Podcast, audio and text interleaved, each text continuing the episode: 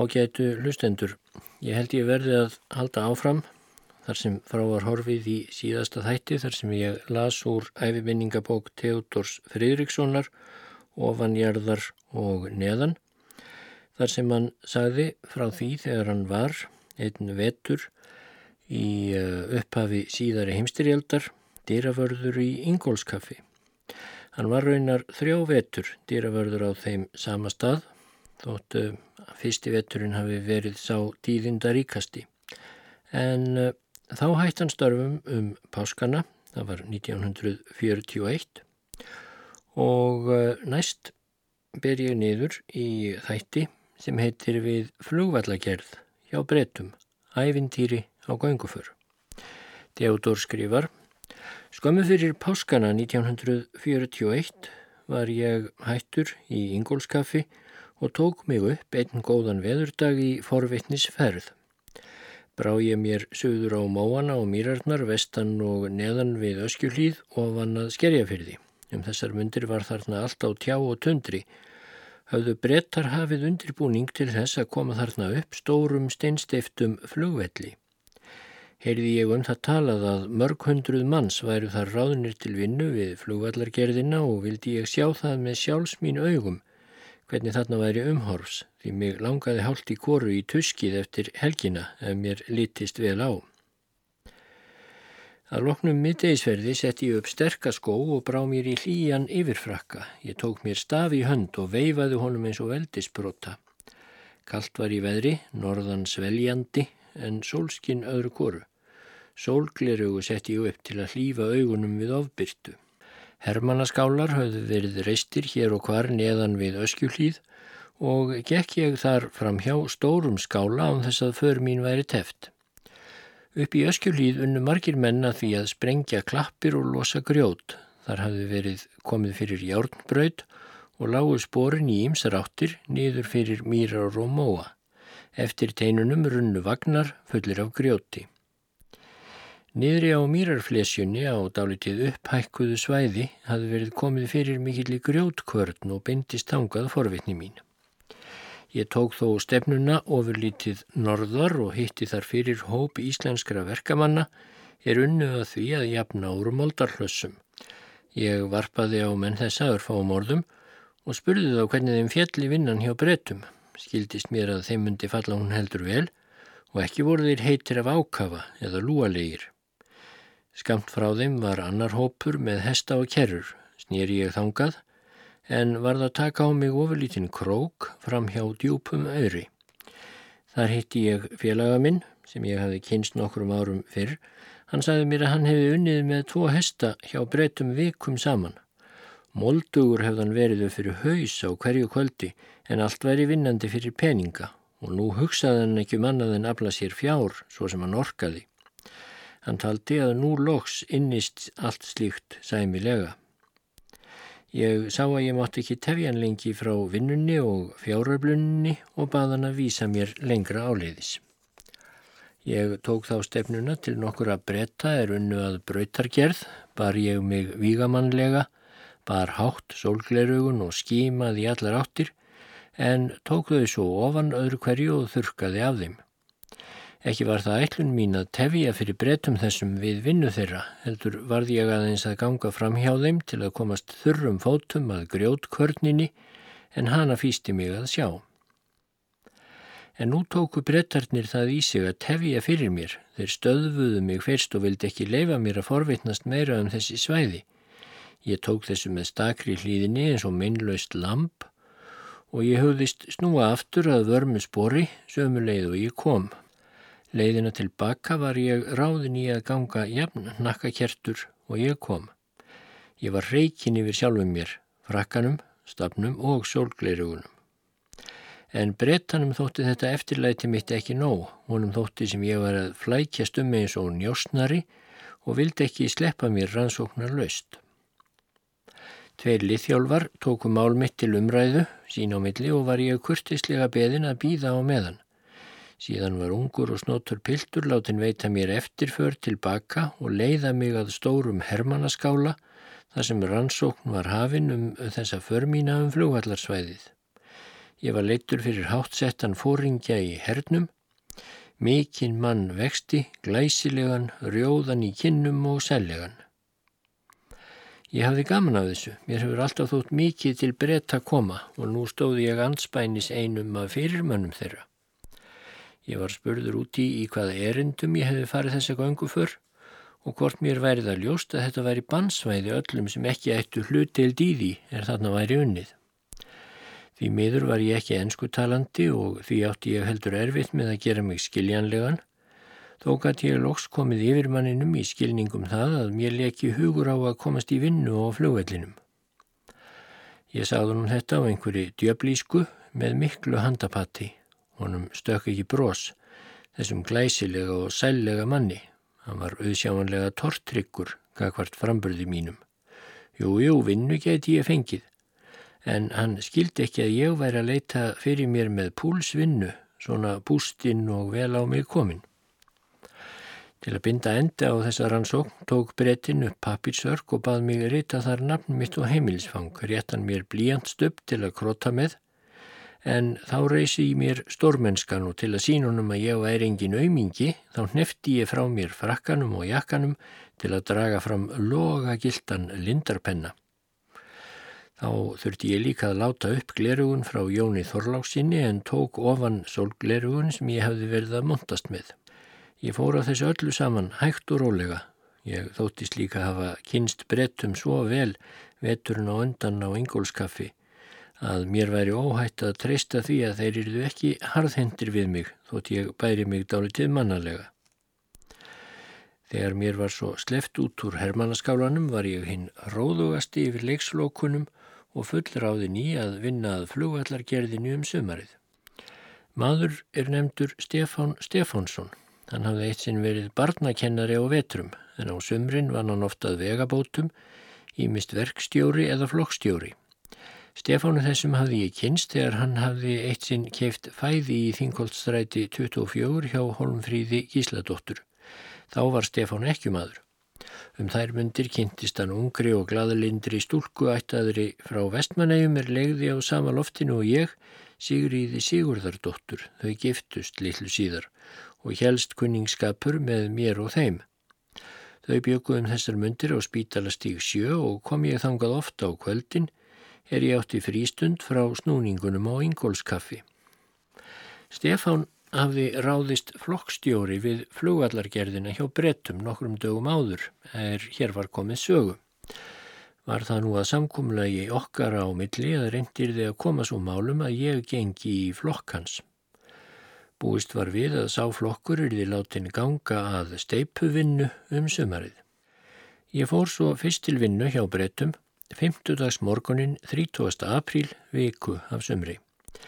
Ég komst í flokk Stefáns eins og ég vildi. Þennan dag var verkamönnum fjölgað um mörg hundruð þarna á flugvellinum. Öllum þessum fjölda var stemt saman við skálan góða þar sem ég hafi verið yfirhyrður en nú var því máli að fullu lokið. Þarna voru hermenn, tólkar, flokkstjórar, fullordnir verkamenn og hálfvaksnir strákar, allir í einni bendu. Mönnum var skipti í flokka eftir einhverju hendingu, síðan gengum menn til vinnu.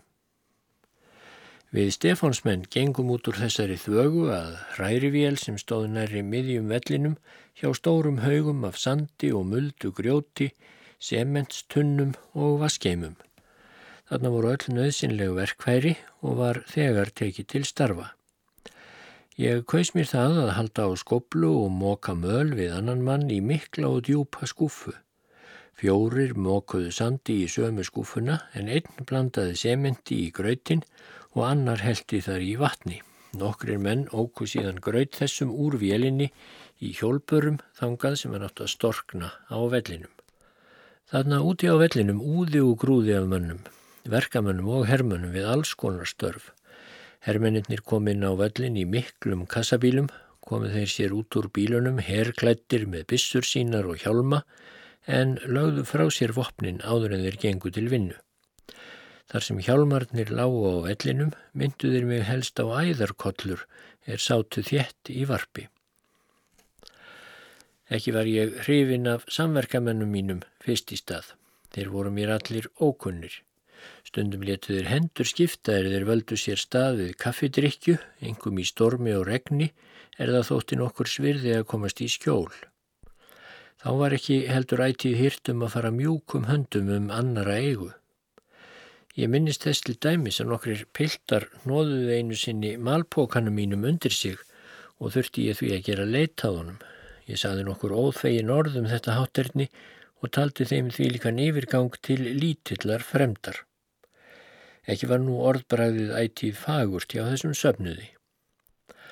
Þó fann ég í hópnum er ég tók að kynnast nokkra menn sem mér geðiði stað, en sjaldan nöyt ég þess að tala við þá vegna skröldsins og háfaðans í hrærivélinni og ærsla hinna sem mér fjallu ekki í geð. Fyrsta daginn sem ég gekk að vinna á flugvellinum var veðrið einstaklega gott, bjart og hlýtt. Ég ásetti mér að láta líka vel á mér þótt ég þyrti að móka nokkrum malarskoplum. Ég vissi það fyrir að ég myndi fá ríg í skrokkin eftir kirseturnar og inniveruna, gamall og styrður eins og ég var orðin. Þjættvaksinn maður á besta aldri, ofurlítið bólugrafin og írður á brún var samverkamaður minn fyrsta daginn. Hann sveikst undan því við hverja hræru að kalla að móka ofan í velina. Ég hafði orðað þessu við hann, sagði honum með fullri einurð að hann yrði að móka upp í velina að sínum hlut. Hann tók þessum aðfinnslum illa, svaraði illirðum einum og hvaðst myndu fara sínu fram. Kom þá í ljós að fleirum en mér var líkt um þennan mann gefið, en hann gerði sér líklegan til að berja þá sem fundu að við hann. Næsta dag kom hann ekki til vinnunnar og sá engin maður eftir honum. Margir verkamannana áttu langan veg að ganga í þessa vinnu, alltaf hálrar klukkustundar gang, en sumir höfðu hjól til að flýta sér að heiman og heim. Gaman hafði ég af því að sjá hópin þegar hann helt heim frá vinnunni, mátti svo að heita að óslítinn röð verkamanna væri frá flugvellinum að kennaraskólanum var mér þá ósjálfrátt að bera þetta saman við dundið í mér og föður mínum á æskudögum mínum á þönglabakka fyrir mörgum árum. Annars vegar höfðum við feðgar lítil tæki til vinnu, hins vegar voru þúsundir manna er gengu að flugvallagerð með miklum vélum og tækni. Annars vegar einn þáttur grannur, hins vegar margir þættir er snerust saman eins og í feikilega gildan kaðal annars vegar frumstætti líf og einfalt, hins vegar samsetti líf og blendið, stríð, dauði, sterkar kvatir við lausan taum, peningar, trillingur og skjelving, opið gínandi helvíti. En veðurfar mátti telja gott þetta sumar, ólíkt því sem verið hafið sumarð áður þegar ég vann við vegavinnu upp hjá kolviðarhóli en stundum var að vísu stormasamt og var ríkið þá versta plága, engum fyrir þá sem unnu við sementið og hrærivélarnar. Þeir urðu gráir í framann eins og í særóki, augunum varð helst hlýft með því að setja upp lituð gleraugu. Þá er þess viðburðar að geta að þann 23. mæ þá rendi létt flugvél sér niður á rennibrautina er lág frá söðri til norðurs. Þessi flugvél, fyrsta flugvélinn sem settist á Reykjavíkur flugvöll, stóð þar við á aðra klukkustund. Eftir það komu flugvélar af öllum stærðum, allar með óurlegum háfaða og djöfullegum skellum, stóð eigi allítill gustur af þessum ófreskjum, sópuð þær völlin og þyrluðu ríkinu eins og særók væri. Engum manni var stætt nærriðim þegar þær lendu eða hófu sig til flugs. Þann 4. júni fór svo fram eins konar viksluatöfn á flugvellinum. Það var skömmu eftir hádegi. Öllum verkamönnum og hermönnum var stemt saman í tvo flokka norðarlega á vellinum. Hermennir stóðu sér í fylkingu í vissum stellingum. Hermennir voru í öðrum stað og máttu þeir standa eins og þeim síndist. Yfir maður hersins helt ræðu þar sem hann myndist verkamannana íslensku og þakkaði þeim dugnað og góða framkomi yfir leitt. Einnig talaði ungur liðsfóringi, reyndi hann að mæla á íslenska tungu og tólka ræðu yfirmannsins sem talað hafði á ennsku. Gall liðsfóringin gert sig hverjum Íslandingi skiljanlegan. En að þessu loknu gengum enn til vinnu sinnar eins og venjulega. Þegar leið á sumarið voru komnar breyðar og mikla rennibrautir í allar áttir út frá miðju flugvallarins, þar sem margar flugvélar gáttu komist fyrir. Komu þá flugvélar af ýmsum stærðum, sumar heljar miklir skrokkar með óurlegri vangjavítt, skrautlegar á að líta og gljáandi á belgin. Í kringum þær voru hermen á verði vopnum búnir og var verkamönnum stránglega bannað að koma nálagt þeim. Þegar hér var komið sögum átti að teljast daglegur viðburður að fjöldi flugvél að vera á sveimi yfir vellinum og í nágrinni Reykjavíkur. Flugu þær stundum svo nærri okkur verkamönnunum að við fundum frá þeim þittin og fyrir komaður menn beigðu sig til jarðar af óta við að þessar vígvélar tækju annars af þeim höfuðinn. Það þótti þá orðin viðburður ef fuggl heyrðist týsta á móunum austan við flugvellin. Þar var þó ofurlítill blettur sem ekki hafði verið hróplað við, en ekki náði nokkurt gras þar þroska fyrir ríki og alls konar óþryfnaði. En þó þótti mörgum fróun í því að leggjast þarna með matarbita sinn eða við kaffidrykju. Það var eins og kvíld frá vélaskröldinu og múruðum vellinum.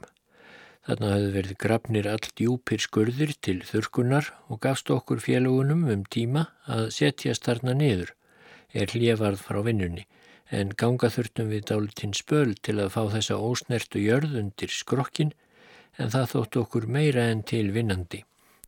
Þarna rísur endar síðar upp loftvarnabyrgi með grænum þökkum og voru þau til að sjá eins og litlir hólar. Þótti gott að skrýða inn í þau í regni og stormi með kaffibrúsa sína. Tíðrætt varð okkur verkamönnunum um stríðið og margir bjökust við því að þískar flugvilar myndu steipa sér yfir völlin þegar minnst varði sumir hugsuðu til þess með skjelvingu aðrir hlökkuðu til þess að eitthvað gerðist sem tíðindum sætti. Þann 20. ágúst flög reyndar þísk flugvél yfir völlin. Hún var einn síns liðs. Hún flög látt, skamt yfir höfðum okkar án þess að við tækjum eftir því fyrst. Þetta var komið í svo fastan vana að heyra þitt og skröld í flugvelum yfir höfði sér. Svo komu skotkvellinir hver af öðrum. Við heldum fyrst að verið væri að skjóta púðurkellingum að vélinni. Það var fyrst er hún hækkaði flugið og kvarf í skíaþyknið að við skildum hvers kynns var. Þá tóku nokkrar breskar flugvilar sig upp af vellinum og hóðu eldingarleik við þýsku vélina. Sínd veiði var þarna en ekki gefinn Þíska vélinn virtist sleppa úr æfintýri sínu heila á húfi. Mörgum sinnum kom það fyrir að flugslís yrðu við þær sífældu flugæfingar sem þarna voru við völlin. En ekki var skýrt frá því opimberlega ef það kom fyrir að flugvél laskaðist eða flugmaður færist. Laugardaginn 30. ágúst varð amerískri flugvél það á í lendingu, þarna á Reykjavíkur flugvellinum, að hún kom lítilsáttar við traktor sem var á vellinum.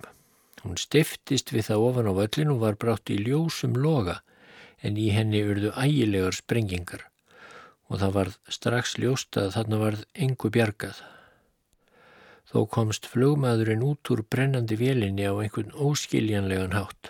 Maðurinn sem í traktornum satt gætt líka bjargað sér með því að kasta sér flötum til jörðar þegar hann sá hvað verða vildi.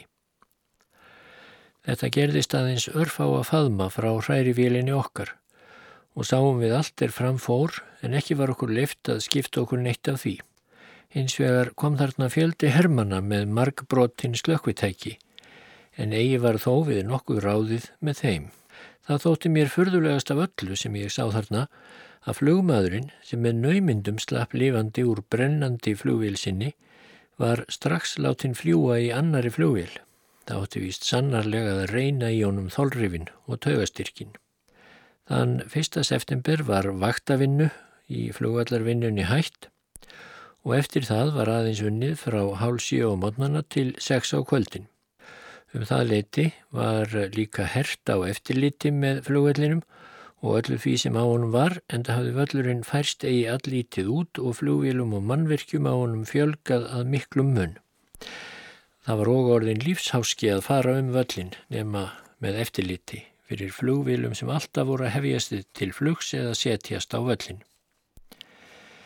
Föstu daginn 19. september var stormur og kalsa veður með úrhellis hriðjum. Ég hafði verið lasinn af hæsi og kvefi undan farna daga en það hafði þó verið ætlun mín að beita við sjálfan mig hörku og þrauka við vinnuna við flugvellin fram að mánuðamótum. En þennan morgun hafði ég svo sáran stingundir vinstri síðu að ég fann að ég var alls ófær til erfiðisvinnu. Læknir minn ráðlaði mér líka að taka mér kvíld úr sementsrikinu. Ég tók því þann kostinn að segja upp vinnunni og snúa huganum að öðru efni. Þegar ég sný huga mínum að þessari flugvallargerð þá rennur mér í hug að íslensku verkamannana verði þar ekki að miklu getið af síðari tíma mönnum. Ekki fremur en þrælana á Egiptalandi er nú mikils getið í sambandi við byggingu hinn að risavöksnu píramíta. En skildanas verða jafn mikið eftir af þessum mikla flugvelli eftir 2, 3, 4 eða 5.000 ár og nú er eftir af píramítunum. Verður hann þá ekki gróin geitnaskóf og mosaþempum eða enn meiri og fjölbreyttari gróðri ellegar sokkin í sjó eða á annan hátt, tindur og tröllum gefin.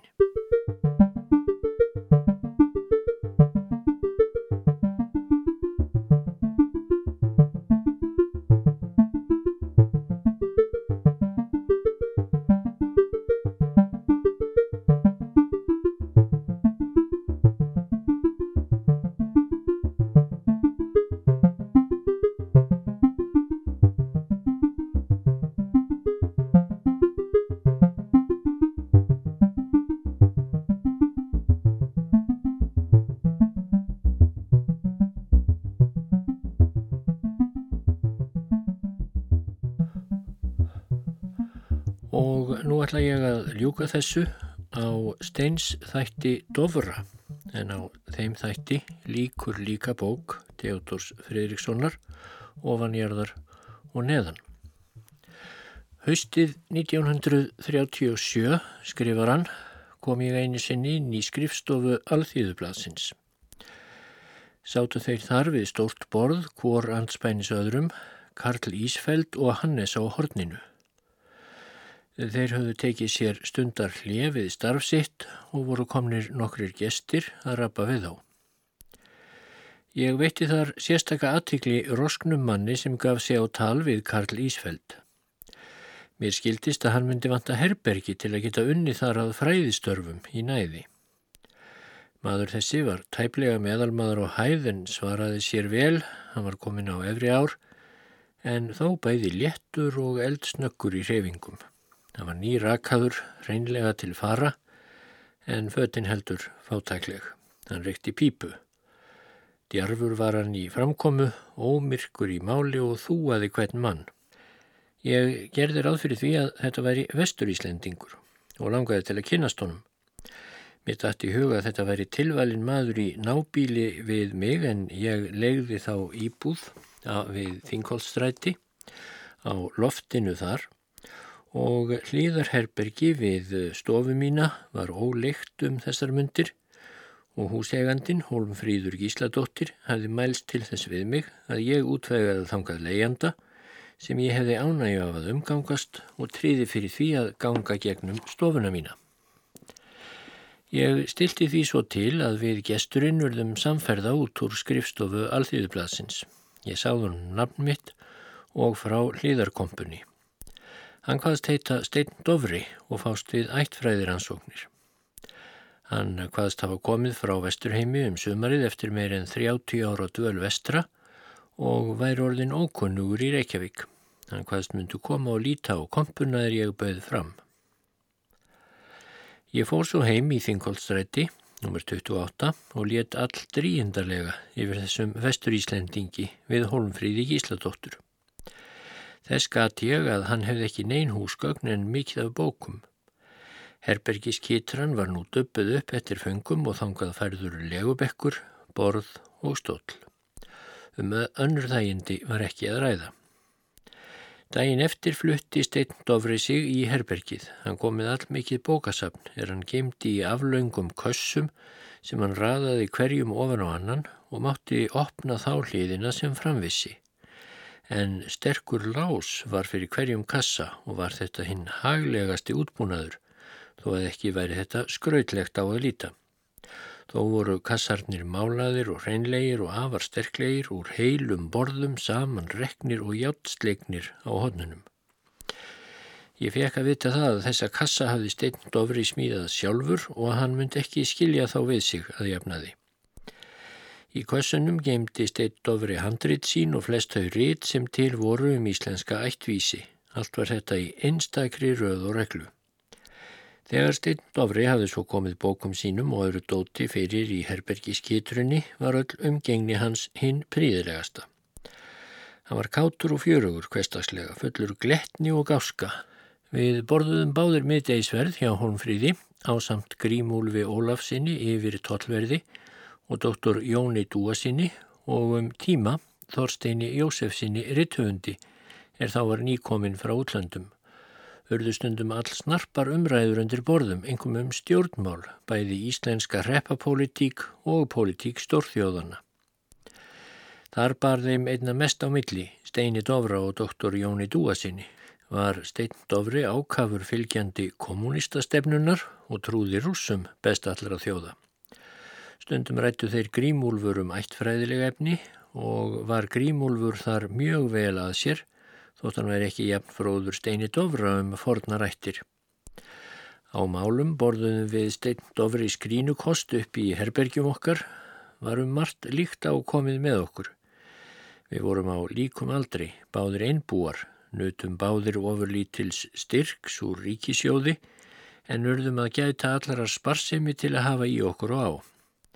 Ég reykti mér inn nokkrar aukatekjur með því að bregða mér í erfiðisvinnu á sömrin en steitt ofri með því að semja ættartölur efnaðas fólks og fá greittar fyrir það nokkrar krónur. Við komum okkur saman um það að leggja báðir til kólinn í opnin minn en dyrnarinn í herbergið hans stóðu opnar og fekk hann þannig hita inn til sín. Ekki stóð á kólunum frá steini dofra, en oftast varð ég að hafa fyrir því að kveikja upp í opninum og gáða því að eldurinn væri í lægi. Ólíkar voru skoðanir okkar um margt og slóstundum í brínur millokkar. Gallsteitt dofri þá orðið allæstur því hann var mjög örgeðja, en allt jafnaðist er af okkur var runnin móðurinn og var samkómulega okkar hefð besta þrátt fyrir þetta. Steitt Dovri gæt frætt mig um margt sem ég langaði til að vita en hins vegar þurfti hann að hafa einhvern til að hjala við öðru koru þegar hann leiti upp úr ættfræðigrúskinu og held ég að honum hafi ekki þótt ég verri en hver annar til þess. Það kom heldur ekki verulega að sög þótt við værum ólíkir að háttum.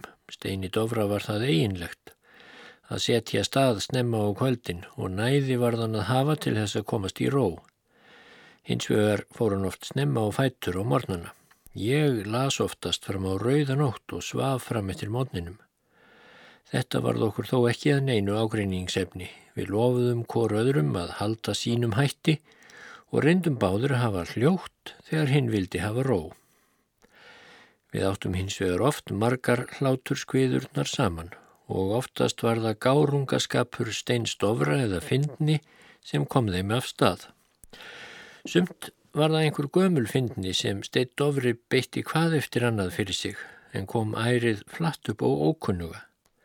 Ef hann var til dæmis börður hvar einhver myndi vera, sagðan oftast að hann væri líklega hjá afa sínum ef um kallmann var að ræða en hjá ömmu sinni ef það var kvennmaður.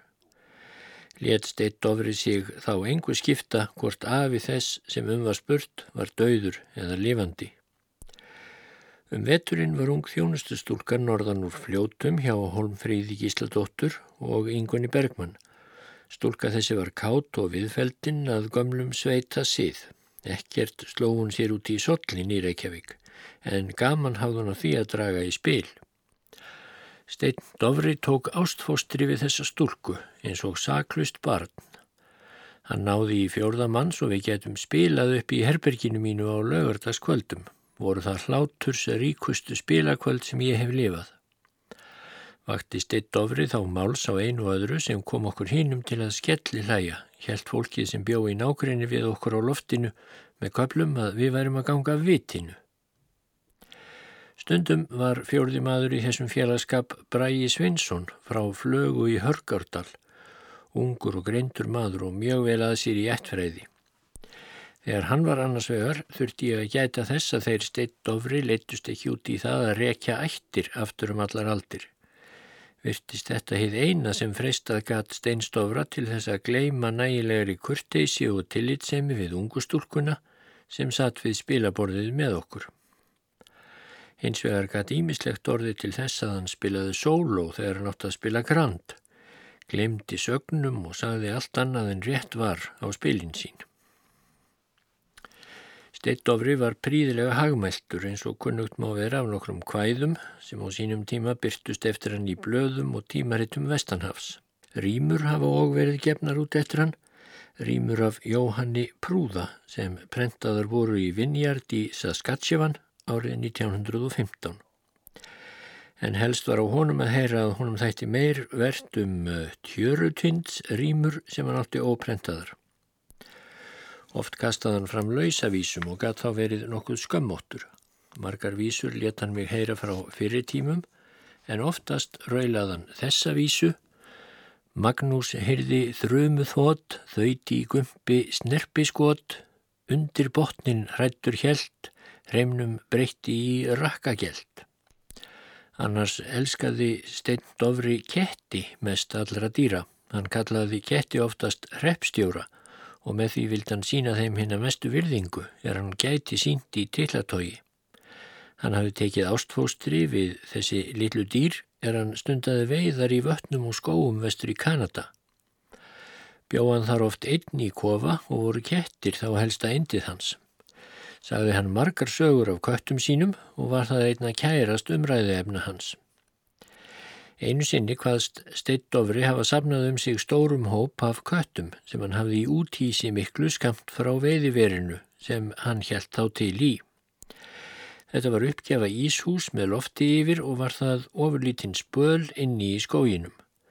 Húsi var kent við skoskan fiskibarón er Edvard hétt en gekk almennt undir tæpinafninu Varði. Þarna var gott til fugglaveiða fyrir opnum glukkum og þótti kísum þetta höfðinglegur bústaður fyrir sig og fjölskyldur sínar. Dovrik af eh, nábúum sínum það í skína hann æfði þarna herlið til stórræðan okkura en hvorki nefndi hann menn eða ketti í því sambandi. Lagðist þá á hann óljós grunur um að hann myndi vera að reyna að efna til uppreysnar gegn íhaldstjórn Bortens í Kanada en hún hamaðist þá við að sapna sjálfbóðaliðum í Evrópustyrjöldina 1914 til 18 og var óvinnsæl af mörgum í Kanada. Í veiðiveri þessu voru þá stattir meðal annara þrýr náungar sem gætnan vildu verða fyrstir til þess að gefa stjórninni skýrslur um allt það sem valda kynni tröflun á liðsafnaðar áætlun hennar. Einhverjir rekjalómar örðu þá til þess að tilkynna njósnaþreiningu þessari þó allt fyrir ekkar óljósum orðum, um uppreysnar og heræfingar áform Steinstofra. Varð Steindofri þess þá var að einn þreiminningana hafði varðgjæslu um veiðikofa hans. Vordag einn fagran var Steindofri stattur nálagt veiðikofa sínum er stóð skamt frá bústöðum annara veiðimanna millir skóarins á aðra hönd en veiðivass á hinna. Veit hann þá ekki fyrir til en hann mætir þremur körlum, allvígalegum. Spýr fyrirliðin á kanadaensku hvar hann æfi herlið það sem hann ætli til uppreysnar gegn bordenstjórninni. Gerði fóringin sig hörkulegan í máli og ægilegan undir brúna sjá. Steitt Dovri létt sér þó ekki byllt við verða, heldur brosti dríendarlega. Hvaðst hann enn sem komið væri, skoða þetta sem hernaðarlindarmál en það væri hann ekki einráður um heræfingar þessar. Tók nú heldur að þykna í fóringjanum og vildi hann engar vífilengjur um þetta mál. En Steittofri benti þeim félögum á að þeim myndi hotlara að fara varlega í sakirnar að órannsökuðu máli en þó böðst hann til að fylgja þeim á leið til æfingastöðvana. Fóru þeir nú allir dálitinn spöl inn í skógin en veiðimenn nokkrir sem komist á snóður um þetta komi í hugmáttin á eftir til að sjá hverju fram indi. Þegar þeir félagar komu að Ísvirki varða er stóð háreist og veglegt í skóarrjóðri, þá síndist þeim þreminningum að þarna mætti vel leina allmörgum hermunum og spurði nú fóringin Dovra hvort hann hefði leifi eigandans til að nota höllina. Steitt Dovri hvaði lið sitt engra leif að spyrja. Þeir félagar komist brátt að raunum það að húsi var mannlaust niðri. Steitt Dovri spurði þá hvort þeir vildi ekki rannsaka loftið og fóru þeir nú þangað upp háan stiga, ekki var þar neyn herrvirki að sjá. En langur tréstokkur láð þar á gólfinu, fullur með mjálmandi ketti á ymsum aldri. Velti nú steinn Dovri stoknum við fætur þeirra félaga og kvissaði við. Kettirnir hlöpu þá kvæsandi út um allt golf en verst leik stór köttur bröndóttur er Dovri nefndi doktor Herodes skonkalikt. Þeim félagum ofbauði liðsafnaður þessi og bölfuðu þeir bæði köttunum og eiganda þeirra sem sínt hafðu þeim þvílikan herabla. Ekki bætti það skap þeirra er þeir heyrðu hlátrasköll veiðimannana sem laumast höfðu á eftir þeim og fylgst með leiknum. Vildu þeir nú hverfa sem skjótast frá síningu þessari. En Steittofri hafði þá gripið kettlinga tvo, sinn korri hendi, bar nefin á þeim upp að vitum fóringjans og meldi alvarlega You better kiss the blessed little cats before you go. Kvöttum þeim sem Steitt Dovri hafði mestar mætur á gaf hann hljóm mikil íslensku nöfn. Hvaðan það hafi verið skemmtilegt að heyra og sjá er kanadamenn voru að reyna að læra þessi nöfn og bera þau fram, ramskeldir með miklum höfuðburði. Var það eina af skemmtunum hans að kenna þeim nöfnin og láta þá æfast í að bera þau fram.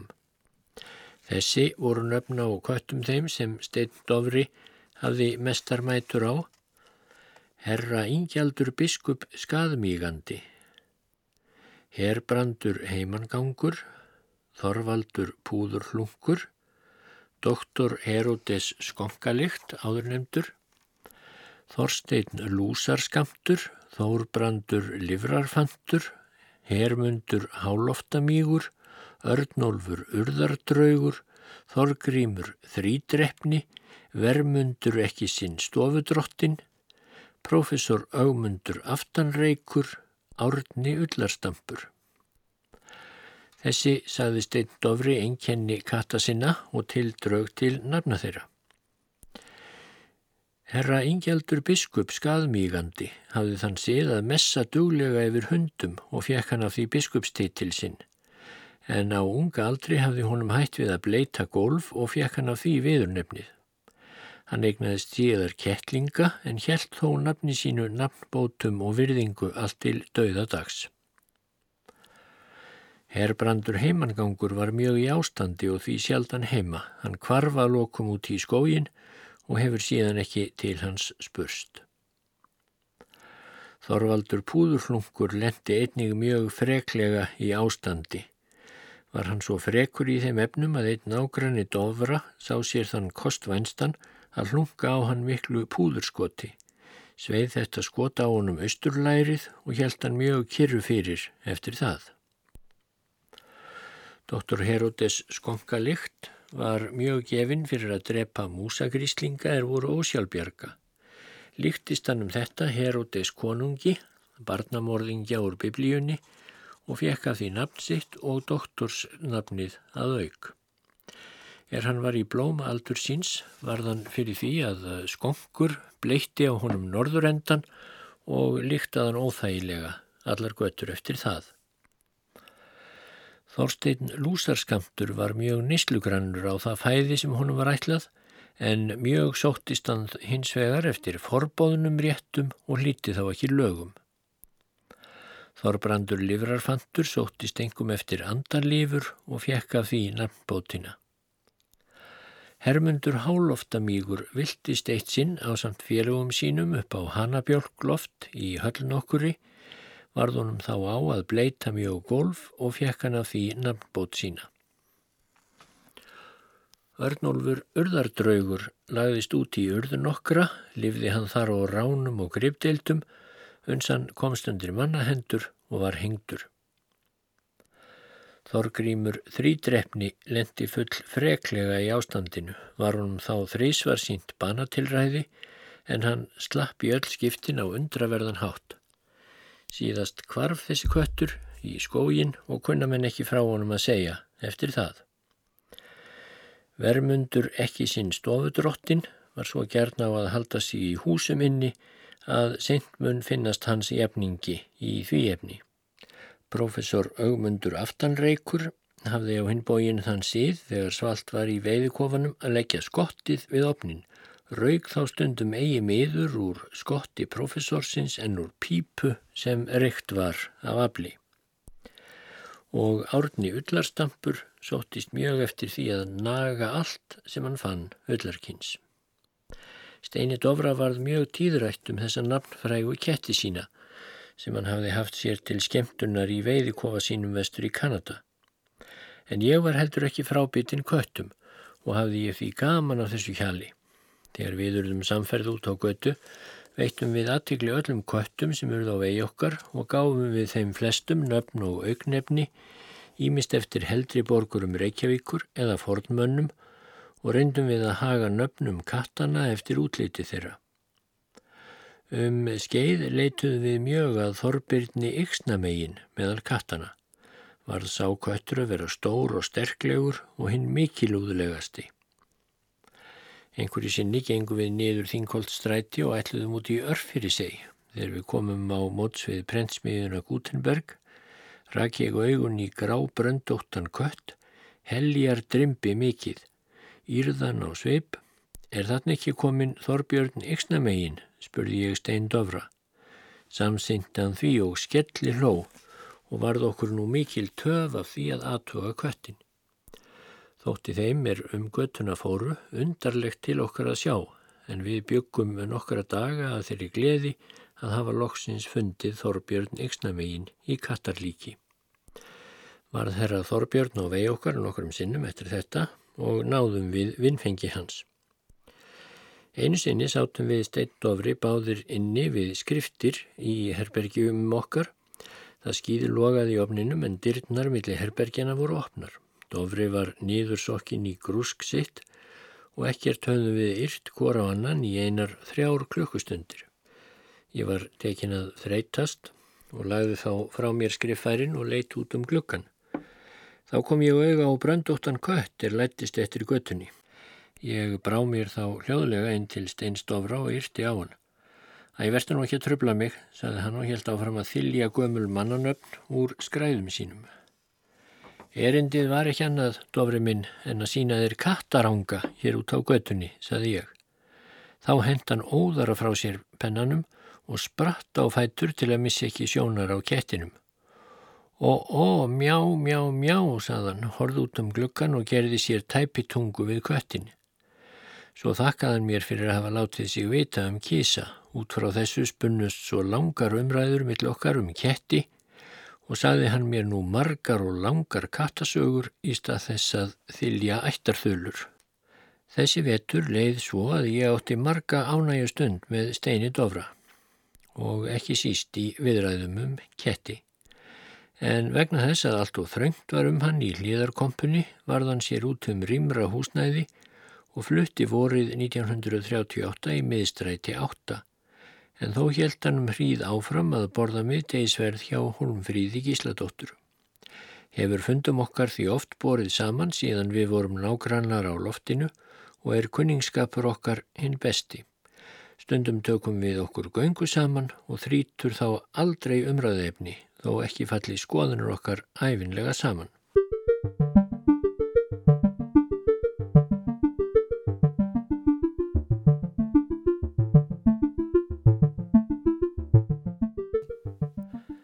Það er nú komið fram í mæ 1943. Ég er að ljúka þriðja vetri mínum í Ingólskaffi. Salirnir á kaffihúsinu eru tróðfullir af gestum, öll borð þakinn flöskum. Loftið er blandið tópaksreik og gufusvækju. Ég hef opnað dyrknar út í gjána. Hýta gufuna leggur út, skvaldur og mannamál hljóðfæra sláttur og dillandi dansir í salnum neðanjarðar en setið fast við borðin ofanjarðar. Við dyrnar niðri er dugnaðar maður á besta aldri, Torfi Markusson, sonarsonur Torfa gamla frá Ólafsdal. Hann er um þessar myndir dýravörður þar nýjingólskaffi í staðin fyrir vinn minn Guðmund B. Magnússon. Ég viðra mig út á pallinum í gjánni við og við, geng þar nokkur skref fram og aftur. Gullrauðum bjarma frá nýgandi sól slæra á skíajadra. Húmið færist yfir og nokkrar stjörnur blíka döflega í óra fjarlagð. Þá þýtur öskrandi vítisvél yfir alþýðu húsið og stjörnurnar formirkvast. Hugur minn leiðist langt í burtu í einu andartaki, allar rattir þagna Jörðin skreppur saman og verður að örsmári ögn í út í aðri tilverunar. Kemur það ekki samastað niður fyrir svo miklum dómi hvort syndgað er eða kropið og beðið bænar, ofanjarðar og neðan.